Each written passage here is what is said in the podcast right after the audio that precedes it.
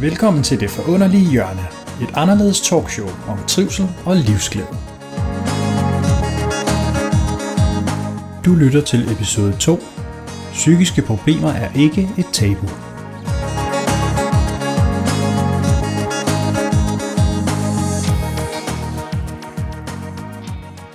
Velkommen til. I denne episode, som er anden del af mit talkshow Det Forunderlige Hjørne, der har jeg valgt at drage et interview med ind. Jeg har en særlig gruppe af interviews, som jeg kalder På kant med smerten. Jeg interviewer mennesker, som har levet et almindeligt liv, som de fleste nok også gerne vil, hvor man har det godt. Men at dem jeg taler med, har oplevet, at det ikke altid har været uden modgang. Vi går lidt ind under facaden og får et mere ærligt indblik i, hvordan det er at være på kant med det, som fylder i ens liv og som smerter. Hvordan modgang har formet deres liv, og hvordan de i dag kan se tilbage komme med de erkendelser og redskaber og måder, de kom igennem det, der var svært. I dag er min gæst Mette. Den handler om psykiske problemer som et tabu. Og så skal vi lidt ind på, hvorfor glæden den skal komme indefra. Så velkommen til dig, Mette. Tak skal du have. For det er nemlig det, du har. Du har oplevet at have det svært i din opvækst.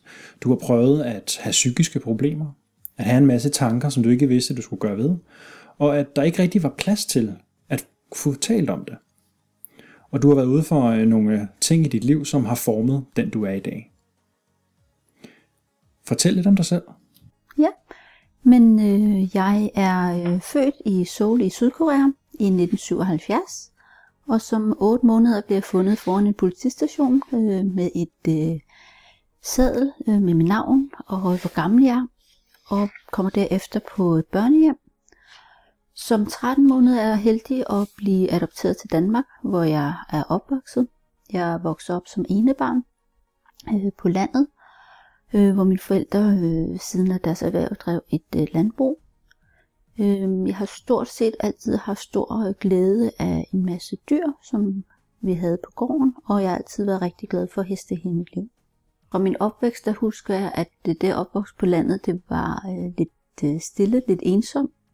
Der var ikke rigtig nogen legekammerater, og øh, der var ikke så meget liv og glæde i, i hjemmet. Mine forældre var de stille type, typer, arbejdede meget, øh, og derfor tror jeg, at øh, jeg knyttede mig så meget til, til, til de dyr, vores hunde og, og de heste, der var. De havde en forståelse, så det var en slags pelsterapi for mig. Øh, dyrene var altid glade, imødekommende, og øh, jeg kunne fortælle dem alle mine, mine hemmeligheder, som ikke kom videre. Jeg brugte meget til at øh, få alle mine tanker ud. Jeg sagde det højt til dem, og øh, på den måde gav det mig luft, og det gav mig en, en vis ro og en vis glæde indimellem. Prøv at beskrive, hvordan det så var for dig at være barn, der ikke rigtig havde nogen at snakke med om tingene.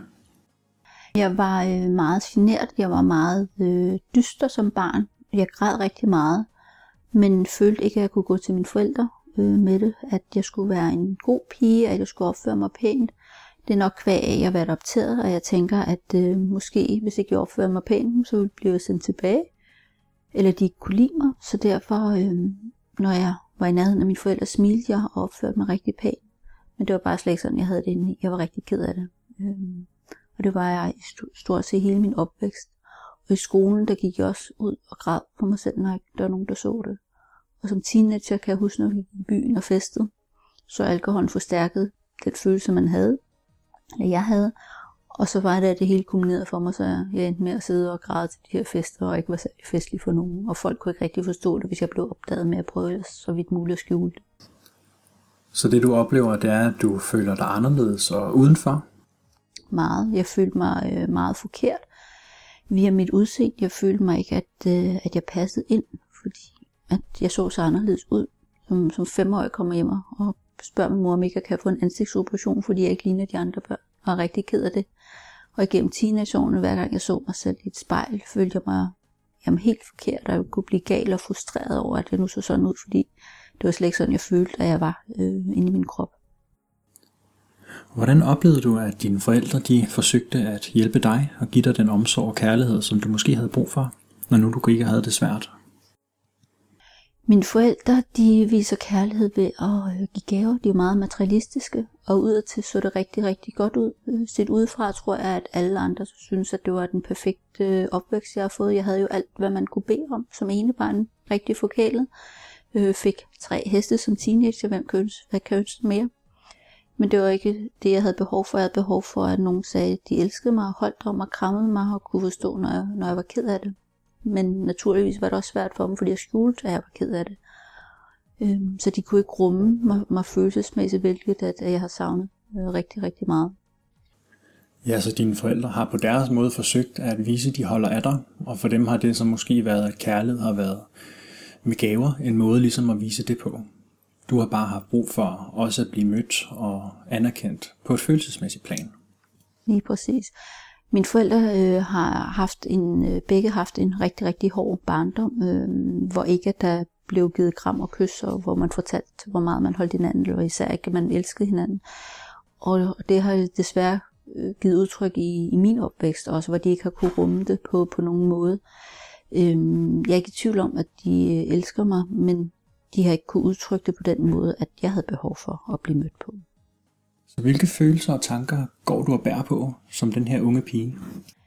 Jeg går og føler og tænker, at jeg virkelig, virkelig skal opføre mig øh, ordentligt. Jeg skal øh, være rigtig god i skolen, så de kan være stolte af mig, fordi det blev anerkendt, når jeg var dygtig i skolen.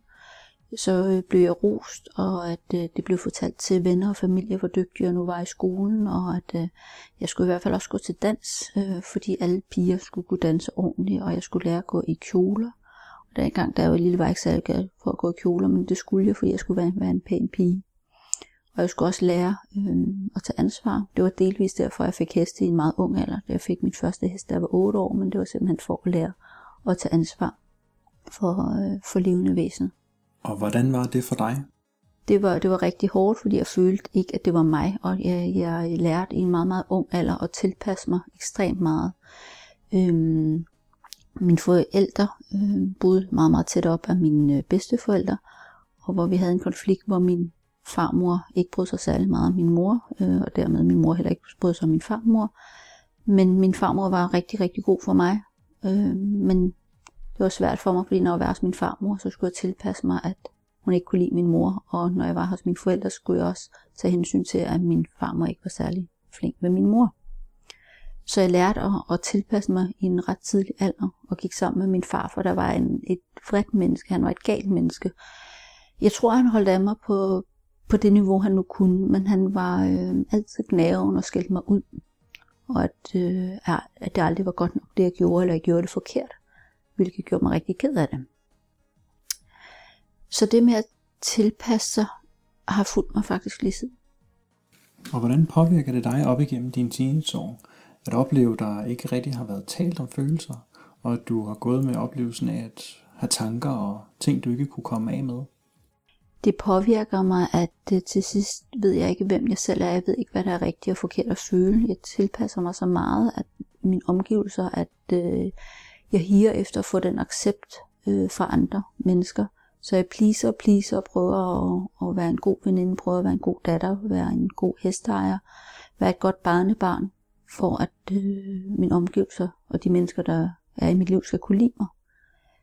Øh, så jeg føler i et eller andet plan, at det er en falskhed, men samtidig er det min måde at overleve på. Men det er dybt frustrerende, fordi til sidst tænker jeg, er det, er det rigtigt det, jeg føler, eller er det et person, jeg udgiver mig for at være? Ja, så du havde ikke rigtig nogen, som kunne hjælpe dig med at finde ud af, om det var okay, den måde, du havde det på. Du var rigtig meget overladt til dine egne tanker, og dine egne følelser var alene omkring det. Jeg gik rigtig meget med mine egne tanker. Øhm, og det var dem, jeg, jeg delte med, med, med dyrene, øhm, som sagt. Ja, og du fortæller mig på et andet tidspunkt, og det kan være, du kan få lov til at nævne det nu, at, at det at være sammen med hestene, det var noget med, at det var et, et sted for dig, som du kunne være dig selv. Prøv at fortælle lidt mere om det. Jamen, det var et øh, fristed for mig. Mine, mine tanker, jeg kunne fortælle, hvad jeg følte. Jeg kunne være med det, den, den jeg nu engang er, uden at skulle have en facade op. Jeg kunne kramme dem. De krammede ikke igen, men det føles lidt sådan.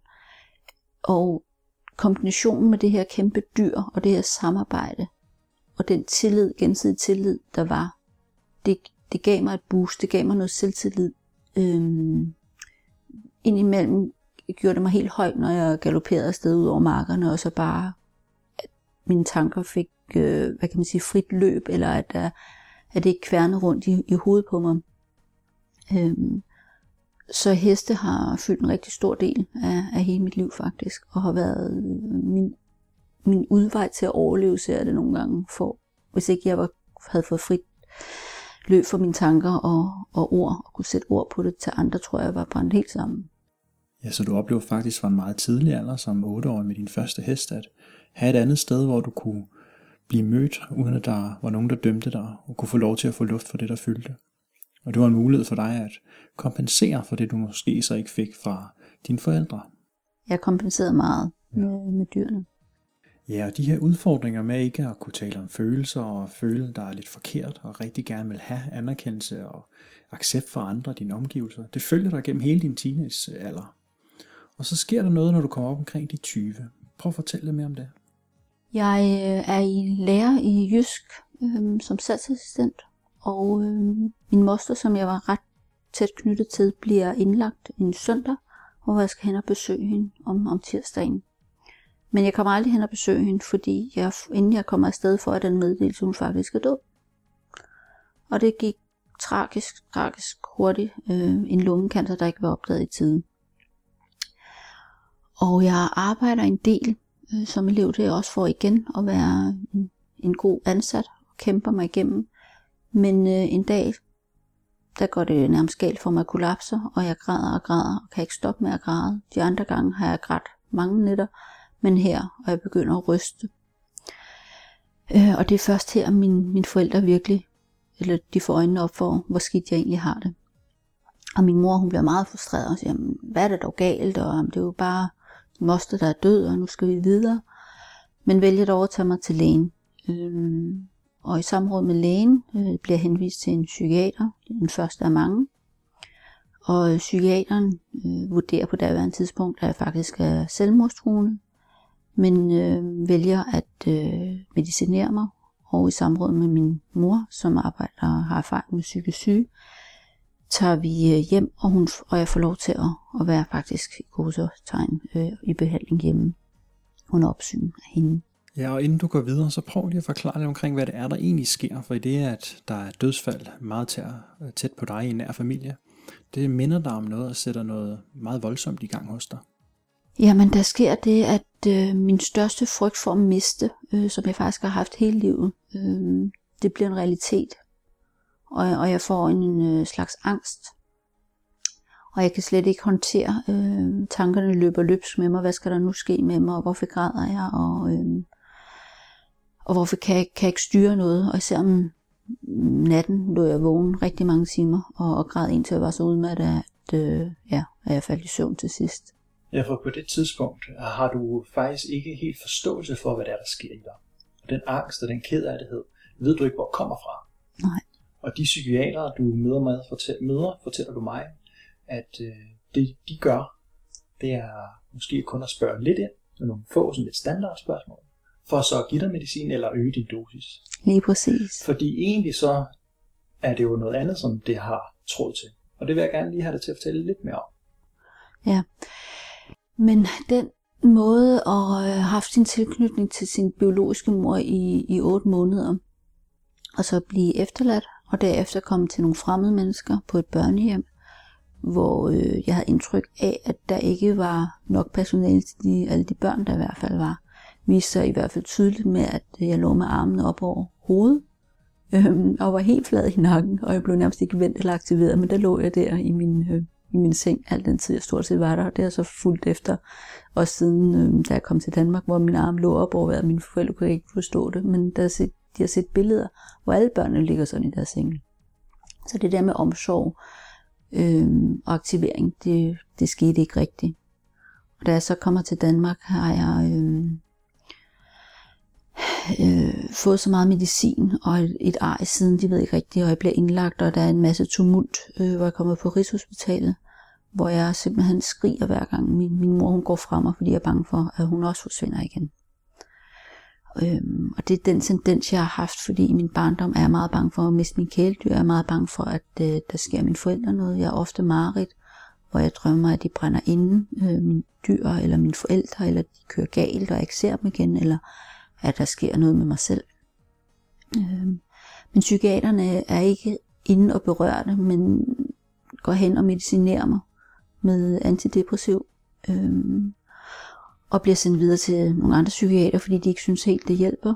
Men øh, så supplerer de blot med noget nervemedicin, fordi de mener, når jeg har angst, så kan det dulme det, og eftersom jeg ikke kan sove om natten, når jeg græder, så får jeg også noget sovemedicin. Men det bevirker jo så, at jeg føler, at øh, jeg er en ren zombie, der, der render rundt til sidst. Ja, så den manglende tilknytning, du har haft helt fra spædet af, den har jo sat sine spor i dig og ligesom fulgt dig igennem din opvækst. Og hvordan har det været for dig? Det har været øh, rigtig svært. Det var en kæmpe udfordring i mit liv, øh, fordi jeg har aldrig troet, at øh, de mennesker, jeg havde, var i mit liv. Og vi har desværre haft, udover min, min moster, der er jo døde, så har vi haft øh, 11 dødsfald i familien øh, gennem min, min opvækst og min, mit øh, forholdsvis unge liv. Så det der med, at, at folk blev i mit liv, har jeg svært ved at tro på.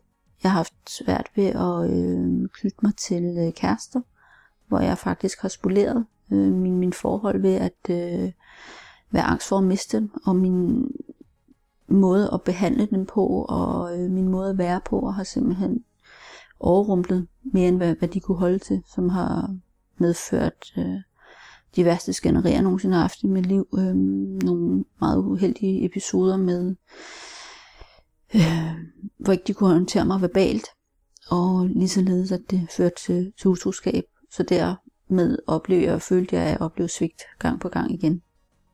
Øh, hvilket jo ikke har gjort min frygt for at miste øh, bedre, men tværtimod forstærket den. Og hvordan er det for dig rent faktisk at opleve, at der er så mange dødsfald, og du mister dine nære igen og igen, og oplever at skulle komme ovenpå efter det, for så kun at opleve, at der er et nyt dødsfald? Prøv at fortælle lidt om det.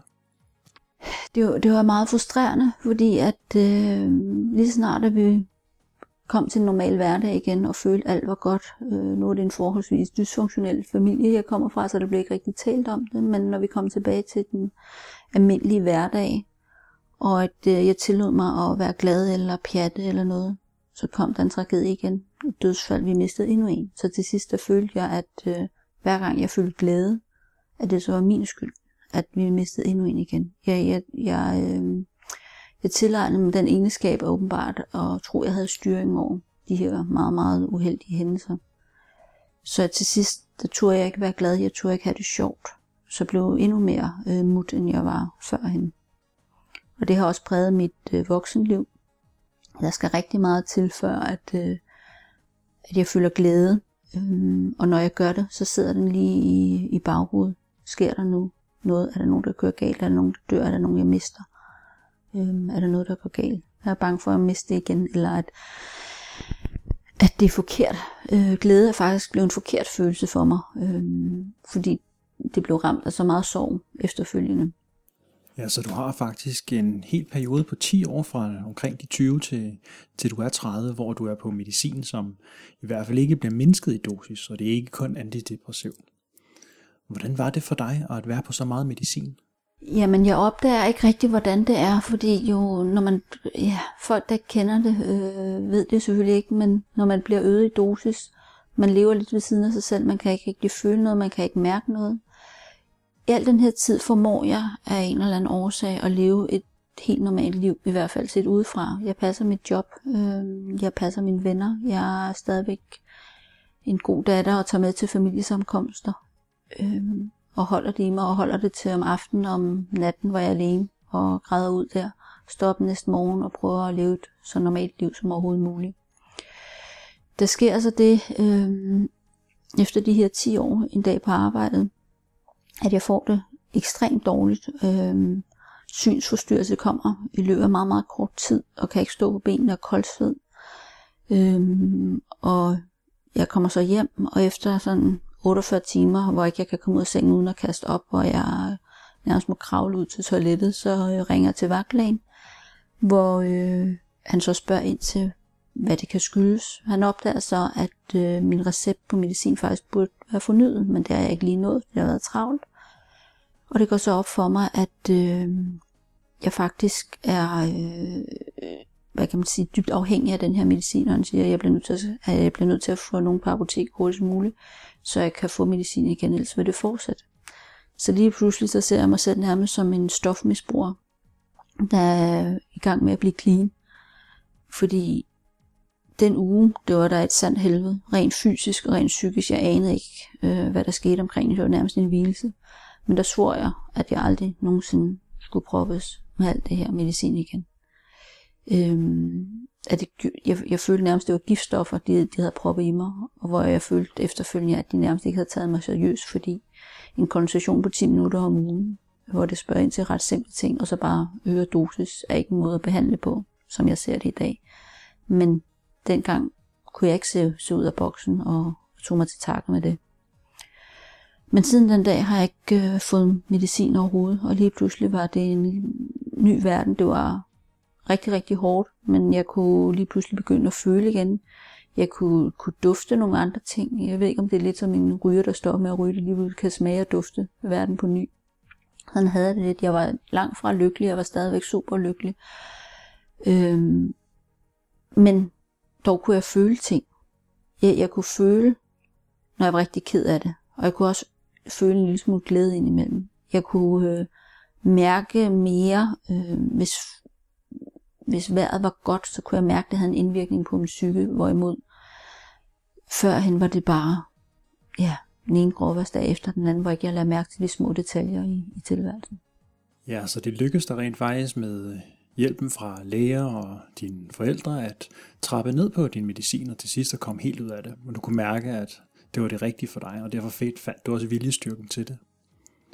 Og så sker der alligevel noget, for kort efter det her, nogle år efter, så kommer du ud for en ulykke.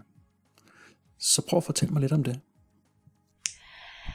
Jamen, jeg er egentlig fri af medicinen, og øh, prøver så stille at komme tilbage til at leve et normalt liv. Øh, men så en dag, hvor jeg skal trække øh, heste ind for folk, en vinterdag med en masse sne og is, der øh, lyder der et skud.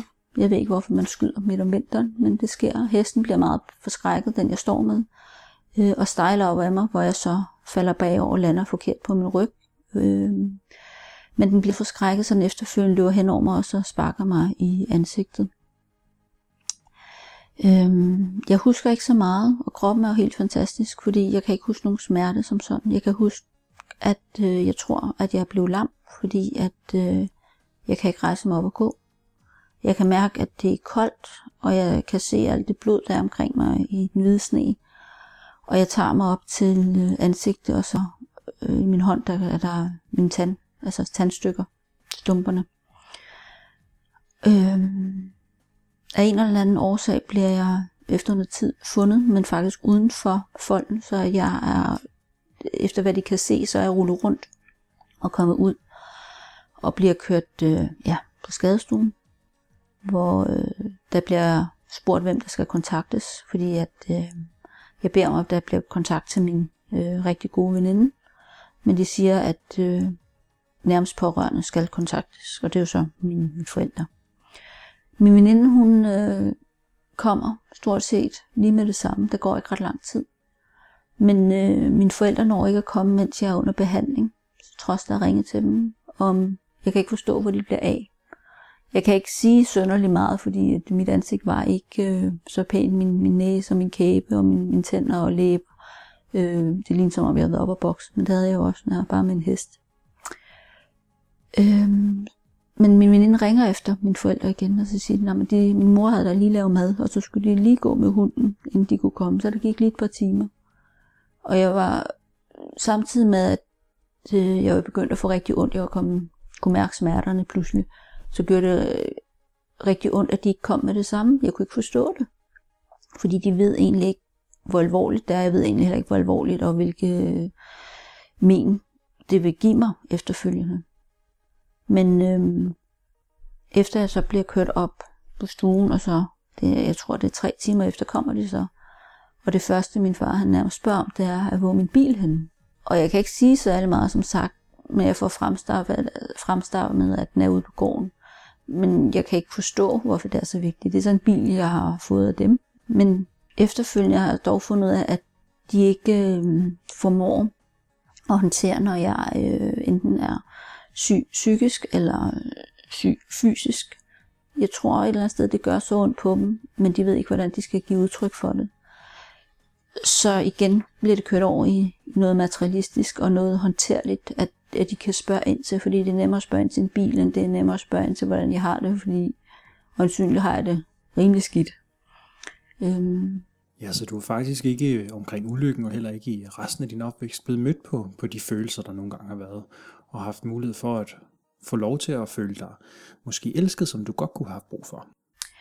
Ja, øh, det er jo igen med, hvad kan man sige, jeg havde behov for at, at blive, øh, blive øh, ja, få kram, knus og fortæl, fortalt, at jeg var god nok som den jeg var, eller som jeg er.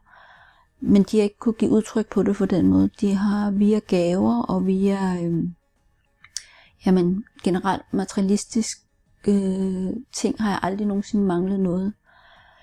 Men deres mangel på at vise deres følelser over for mig, og vise, at de holdt af mig eller elskede mig, har jeg ikke oplevet, hvilket var meget frustrerende for mig. Fordi at det var det, det nok det største behov, jeg har haft i hele mit opvækst. Og det fik jeg bare ikke. Så jeg skreg jo nærmest efter, min krop skreg efter det. Men det er først øh, som voksen, jeg har indset, at hvorfor de ikke formåede at give mig det behov, eller afdække det behov. Det er grundet deres eget opvækst, deres eget barndom, deres eget liv, øh, at det er groft at sige, men er afstumpet på, på det følelsesmæssige område. De kan ikke håndtere det. Men det har også givet mig den afklaring, at øh, de elsker mig, og det er jeg ikke i tvivl om, men det var bare ikke, de udviste ikke på den måde, jeg havde behov for. Det var rigtig, rigtig svært for mig, og det tog lang tid for mig at indse og også acceptere det. Øhm. Så hvad sker der så i den periode efter, du får gå til tandlæge, og aldrig været lige så meget til tandlæge? nej, nej. Øh, min rekord var 7,5 timer i tandlægestolen på en gang, så det er godt, jeg ikke har tandlægeskræk. Og jeg var, øh, jeg, jeg blev meget frustreret, fordi hestene, som sagt, har været hele mit liv. Det var mit frirum det er en, en hestepige er ikke bare en hobby, men, men det er en livsstil. Men efter ulykken gjorde det, at jeg fik angst for heste. Øh, jeg fik nærmest panikangst, så jeg måtte øh, skille mig af med min, min daværende hest, desværre. Og jeg var i genoptræning i gennem halvandet år, hvor øh, jeg lærte at eller hvor jeg lærte, at min krop skulle lære at, at slappe af igen. Den skulle lære øh, og, og huske igen skulle lære at, at balancere igen, fordi det var centralnervesystemet, øh, det var gået ud over blandt andet. Og øh, det tog også noget tid, inden jeg kunne få noget øh, rigtig mad. Flydende kost er ikke særlig spændende igennem sugerør i længden, men øh, man bliver så meget mere taknemmelig for rigtig mad, når man så har sine tænder igen, og, og man kan tykke. Så det var nogle andre ting, man lærte at, at værdsætte. Øh, jeg lærte også at værdsætte øh, mit helbred de dage, hvor jeg havde det godt i forhold til, og ikke havde smerter i, i nakke og ryg og, og ben. Så det er de rigtig gode dage, og så havde jeg de mindre gode dage med, med smerter og var på smertestillende rigtig lang tid. Men øh, har i dag forholdsvis få men af nogle følelsesforstyrrelser i, øh, i baller og baglår og noget øh, migræne og øh, en skæv ryg blandt andet.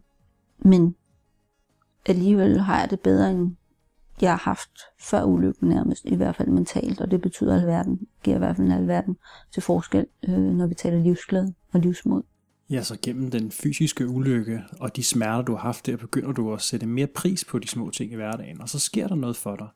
Fordi du oplever så stor en kontrast til, hvordan det faktisk har været for dig tidligere. Og pludselig begynder din mentale tilstand at have en meget større betydning. Fordi du kan se, at du begynder at sætte mere pris på de små ting, og er glad for det, der er.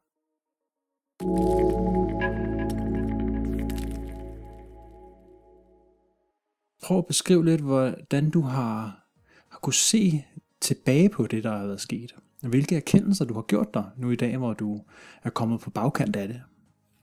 Jamen, jeg blev nødt til at finde en, øh, noget nyt at gå op i. Jeg havde ikke mit frirum, jeg havde ikke min sikkerhed, jeg havde ikke min pelsterapi i, i hestene mere, så måtte jo finde noget andet, og lige pludselig går jeg ind øh, og må mærke efter min krop, og det var ikke det, jeg var aller, allermest begejstret for, men øh, jeg går ind i øh, det mentale og lytter til øh, noget mindfulness, noget afstressende. Jeg går i øh, noget samtaleterapi, jeg går blandt andet i hos en traumapsykolog, der hjælper mig rigtig godt for vej. Det er faktisk hende, der har hjulpet mig allermest igennem til forståelsen på øh, min manglende kærlighed fra mine forældre, øh, forståelsen omkring mig selv. Og hvad er det, der sker sammen med traumapsykologen? Hvad er det, hun spørger om, som gør, at der er nogle ting, der går op for dig? Hun øh, spørger ind til, hun, hun er faktisk den allerførste terapeut igennem de her, jeg er næsten 14 år, der så spørger ind til mine omgivelser, hvordan vi taler sammen i familien, hvordan øh, jeg har følt det, hvordan at øh, mine forældre var, hvordan omgivelserne var der, hvor jeg voksede op henne, hvilke venner jeg har haft. Og det gav en så en, selvfølgelig et indblik af, hvem jeg egentlig var, og hvilke behov jeg manglede at få afdækket.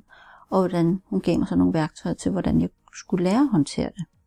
Ja, og hvordan var det, hun gik ind og prikkede til dig og spurgte ind, som hun nu gjorde på det plan? Det var rigtig hårdt. Øh, jeg græd igen rigtig meget. Men det gav mig en dyb, dyb forståelse, som jeg ville have ønsket, jeg har haft for mange, mange år tilbage, fordi du havde skånet mig for mange tårer, du havde skånet mig for alverdens frustrationer. Det gav mig, øh, hvor jeg kunne give slip på mine forældre. Øh, ikke give slip med, at jeg ikke skulle se dem, men give slip på den bebrejdelse, jeg havde. Øh, og åbne op for deres forståelse og møde dem på, øh, på det niveau, vi nu kan møde hinanden. Og i den her proces får du også låst lidt op for noget af den vrede, som du har gået med. Meget af den frustration og øh, vrede, du har haft rettet mod din biologiske mor, mod dine forældre på grund af det følelsesmæssige, mod lægerne, som medicinerede dig, mod hesten og den, der nogle gange lavede det her skud.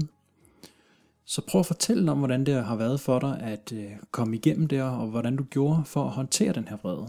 Jamen, at blive forladt af sin biologiske mor, når man er 8 måneder, det er sådan lidt, jamen, hvorfor fik hun mig? Hvorfor elskede hun mig ikke? Hvorfor ville hun ikke beholde mig? Hvorfor kassere mig? Jeg håber og tror, at hun overlod mig til andre af kærlighed, fordi hun ikke kunne varetage mig. Men alligevel føler jeg mig kasseret.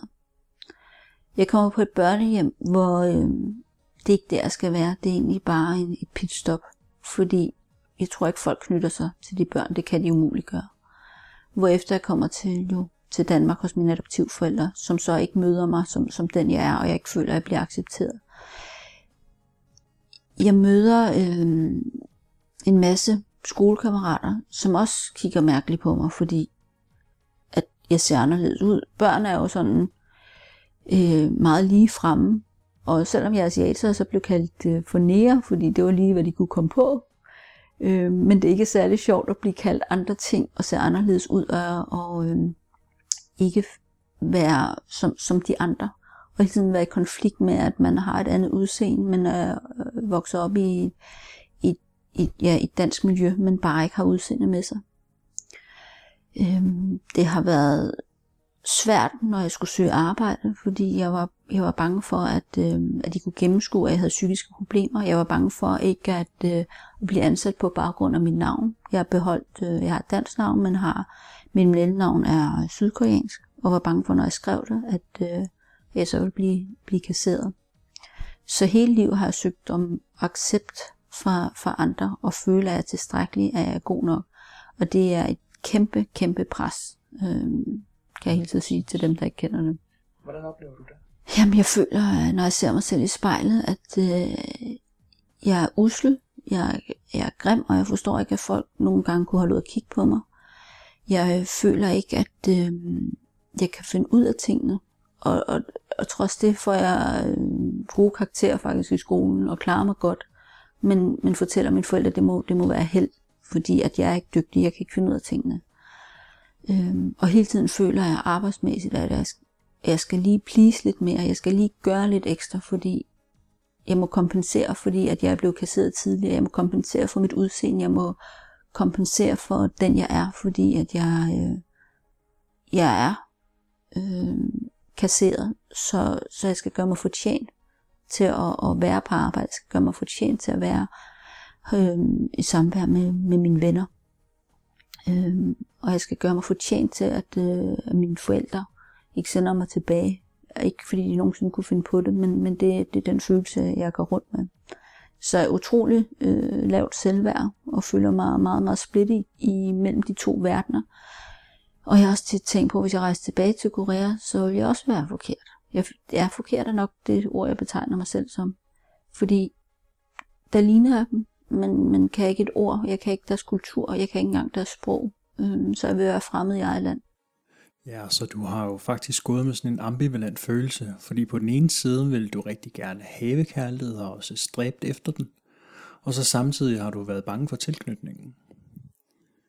Og på bagkant af alt det, nu er du i dag 37, og det er fem år siden ulykken. Prøv at beskrive, hvor du er henne i dag. Øhm, jeg har stadigvæk min angst, dog sjældent. Jeg er stadigvæk ked af det, men jeg har det sidste år er nok det bedste år af hele min tilværelse. Jeg har fundet fred med øh, mine forældres måde at agere på. Jeg er ved at slutte fred med mig selv. Om jeg nogensinde kommer helt dertil, hvor jeg slutter helt fred og kan elske mig selv, ved jeg ikke, om jeg når, men jeg øh, er på vej i hvert fald. Jeg er blevet bedre til at lytte til mig selv. Jeg har lært inden for de sidste års tid at være alene og at kunne nyde mit eget selskab uden at panik fuldstændig. Jeg prøver at opsøge de gode energier. Jeg prøver at opsøge mennesker, der bidrager med, med glæde i mit liv. Jeg prøver at øh, være mere til stede i nuet. Øh, det har været en fantastisk sommer, hvor solen har skinnet, når man stod op. Jeg har kunne øh, mærke det. Øh, varmen, som jeg ikke har kunne mærke før. Jeg øh, synes, det er fantastisk, hvis det lige har regnet og kan dufte regn, det er noget, jeg aldrig nogensinde har lagt mærke til før. Jeg prøver at finde de bitte, bitte små ting i dagligdagen, som, som jeg lige pludselig kan føle, og som jeg er opmærksom på. Og så værdsætter meget de mennesker, der er i mit liv, og har fundet en... Jeg bliver nok aldrig helt tryg, men at, at de er der noget tid endnu i mit liv i hvert fald. Ikke at de forsvinder. Jeg har stadigvæk frygten for at miste. Den, er, den vil nok aldrig helt forsvinde forsvinde. Jeg har øh, øh, fundet en ny aktivitet, ikke fordi at øh, mit liv med heste nogensinde kan blive erstattet af noget andet, fordi det var en helt speciel passion og lidenskab, jeg, jeg havde for det. Men jeg er begyndt at danse, og blandt andet været på Cuba øh, i påsken, og følt en masse livsglæde, og så en helt anden kultur, og mødt nogle grænser, øh, som jeg aldrig ville ellers have mødt. Øh, jeg lærte mig selv meget bedre kende, hvordan det er at kommunikere med mennesker, man faktisk ikke engang kan tale samme sprog med, men krops kommunikere med. Og hvor lykkelige, fattige mennesker kan være, og hvor meget de har del af. Penge er ikke vejen til lykke i hvert fald, ikke for mig. Og det materialistiske er heller ikke. Og det var virkelig en øjenåbner for øh, de kære kubaner, som er så fattige, men havde så meget livsglæde og så meget at dele ud af, og al den kærlighed og øh, glæde. Så jeg har fundet øh, delvis glæden i at, at danse, og, og kan godt glemme tid og sted for en stund, når, når jeg er ude at danse. Og så nyder jeg at være i selskab med mine rigtig gode venner, som, som man har været stabil i, i en tilværelse i nu 20 år faktisk. Og jeg kan også øh, med den de få familiemedlemmer, vi er tilbage, sidde og hygge sammen og føle, at det er oprigtigt, og ikke at det er påtaget. Så jeg har måske det, som andre vil kalde, for et normalt liv, men for mig at det, øh, har det ikke været normalt. Det har ikke været en selvfølge. Jeg har ikke taget det for givet, og jeg vil sige, derfor værdsætter det nok endnu mere den dag i dag. Ja, så du har i hvert fald måttet lære, hvordan det er at være dig, og hvordan du gennem 30 år har levet efter et andet værdisæt, som også har lært dig, hvordan du skal opføre dig, hvordan du skal få gode karakterer, og at du er noget, når du gør noget, og at ting omkring dig er det, der definerer faktisk, hvad du er værd. Og så i dag, så øh, oplever du at have en helt anderledes tilgang til dig selv. Og det skift fra at synes mange øh, ting var negativt omkring dig selv, øh, havde dit øh, asiatiske udseende, og ikke rigtig føle, at du var elsket og god nok, så til i dag rent faktisk at føle øh, mere tilnærmelsesvis, at, at du er god, som du er, og faktisk holde af dig selv. Hvad gør man for at komme dertil? Hjemmefra, det var et kæmpe tabu, hvordan jeg var. Øh, og mine forældre havde ønsket ikke, at det kom ud, fordi de var bange for alle de fordomme, der var omkring øh, depression på daværende tidspunkt. Jeg oplever desværre, at der stadigvæk er øh, en masse fordomme, men at åbne munden og dele min historie, øh, eller dele min historie, det var egentlig at dele, hvem jeg var, dele mine tanker, har givet mig en kæmpe gave tilbage, fordi dem jeg troede måske ikke ville kunne lide mig, eller acceptere mig, når de hørte, hvem jeg var, er faktisk stadigvæk i mit liv. Og øh, de gav, de respekterede mig faktisk for at åbne op og dele. Så det med at øh, åbne op efter så mange år og fortælle om ens tanker, ens følelser, fordi ofte viser det sig til, at der er mange andre mennesker, der faktisk har det på samme måde. Det har, har gjort mig fri, at jeg kan tale frit om de mærkelige tanker, jeg synes, jeg nu har i mit hoved, at ikke jeg går og brænder ind med dem, men man kan dele det med andre. Og hvordan var det for dig første gang, du skulle rigtig begynde at åbne op for andre? Hvordan du havde det inde i dig? Det var meget, meget grænseoverskridende. Jeg tænkte på, nu ser jeg ikke de mennesker mere. De vil ikke tale til mig mere. De tror, jeg er sindssyg. De tror, jeg er tosset. Men de blev faktisk rigtig øh, rørt over det. Øh, og gav mig faktisk et knus, som jeg også synes, nogen der ikke havde krammet mig før. Så det var sådan meget grænseoverskridende. Øh, men, men faktisk dejligt og en, og en rigtig fed fornemmelse. Og, og der er ikke en, der jeg omgås i dag, som ikke kender mit sande jeg, min historik øh, på godt og ondt. Nej, fordi før fortæller du mig, inden øh, du fik kom ud fra ulykken med hesten, der har du faktisk ikke fortalt det til nogen. Nej, jeg levede jo, øh, jeg holdt det skjult. Det var også, hvad mine forældre ønskede. Så det var sådan, det var. Så der var ikke, de kendte, hvad kan man sige, ja, en brøkdel af, hvem jeg var. Mm. Og hvordan gør du så i dag for at blive ved med at holde det rette fokus, så du ikke mister dig selv og påtager dig andres holdninger og meninger, men gør det, som der er rigtigt for dig? Jeg har indset, at øh, selvom man laver fejl, selvom man er ked af det, så kan andre godt holde en. Man er ikke et dårligere menneske af den grund. Øh, og jeg tænker meget tit på, hvis det var min bedste veninde, ven, der havde den historik, som jeg havde, ville jeg holde mindre af dem, og det ville jeg bestemt ikke. Og det, øh, det tror jeg heller ikke, at andre ser det som, eller mine venner ser. Men jeg prøver at holde fokus på stadigvæk og, og, øh, og prøve at være mig selv. Prøve at finde ud af faktisk, hvem jeg er. Og det gør mit liv nemmere, i stedet for at have en facade hele tiden. Det kræver ekstremt meget energi. Og hvile i, øh, i den person, jeg nu er. Og så sige, okay, der er måske en blandt, der ikke lige bryder sig om din udtalelse eller noget, men så er der 10 andre, der stadigvæk holder af dig. Og så er det okay. Det er okay ikke at være enig med alle. Det er okay. Øhm, og differentiere sig. Også med, med det ydre. Jeg arbejder stadigvæk på, øh, på mit udseende. Og jeg ved ikke, om jeg nogensinde bliver helt fortrolig med det, men, men, men det, øh, jeg må, jo mere fred jeg får med det, jo, jo bedre får det, kan jeg mærke. Og hvordan har det været for dig at skulle stille op til det her interview? Hvad gik der igennem dig, og hvad ville du gerne med det? Jamen, øh, jeg vil godt øh, dele min historie, fordi at jeg synes, at det er forfærdeligt, at øh, psykiske sygdomme er så tabubelagt, som det var engang, og som jeg stadigvæk oplever, det er. Det var en... Øh, jeg troede ikke, at det ville være så omfattende for mig rent personligt, men at gennemgå hele min historik igen og skrive det ned og skulle fortælle øh, om det til andre, var alligevel meget grænseoverskridende. Men jeg tror, det har været en rigtig god øh, terapi, hvis man kan sige det sådan, for mig faktisk at få nedfældet det på skrift og få gjort min historie til, til virkelighed. Øh, fordi nu er den i hvert fald officiel for, for alle, og ikke længere et, et tabu af mit liv. Og hvordan har du det med din familie i dag? Jeg har det godt med min familie, og vi kan hygge os sammen, og øh, der bliver faktisk krammet den dag i dag. Øhm. Og hvordan var det første gang på at det?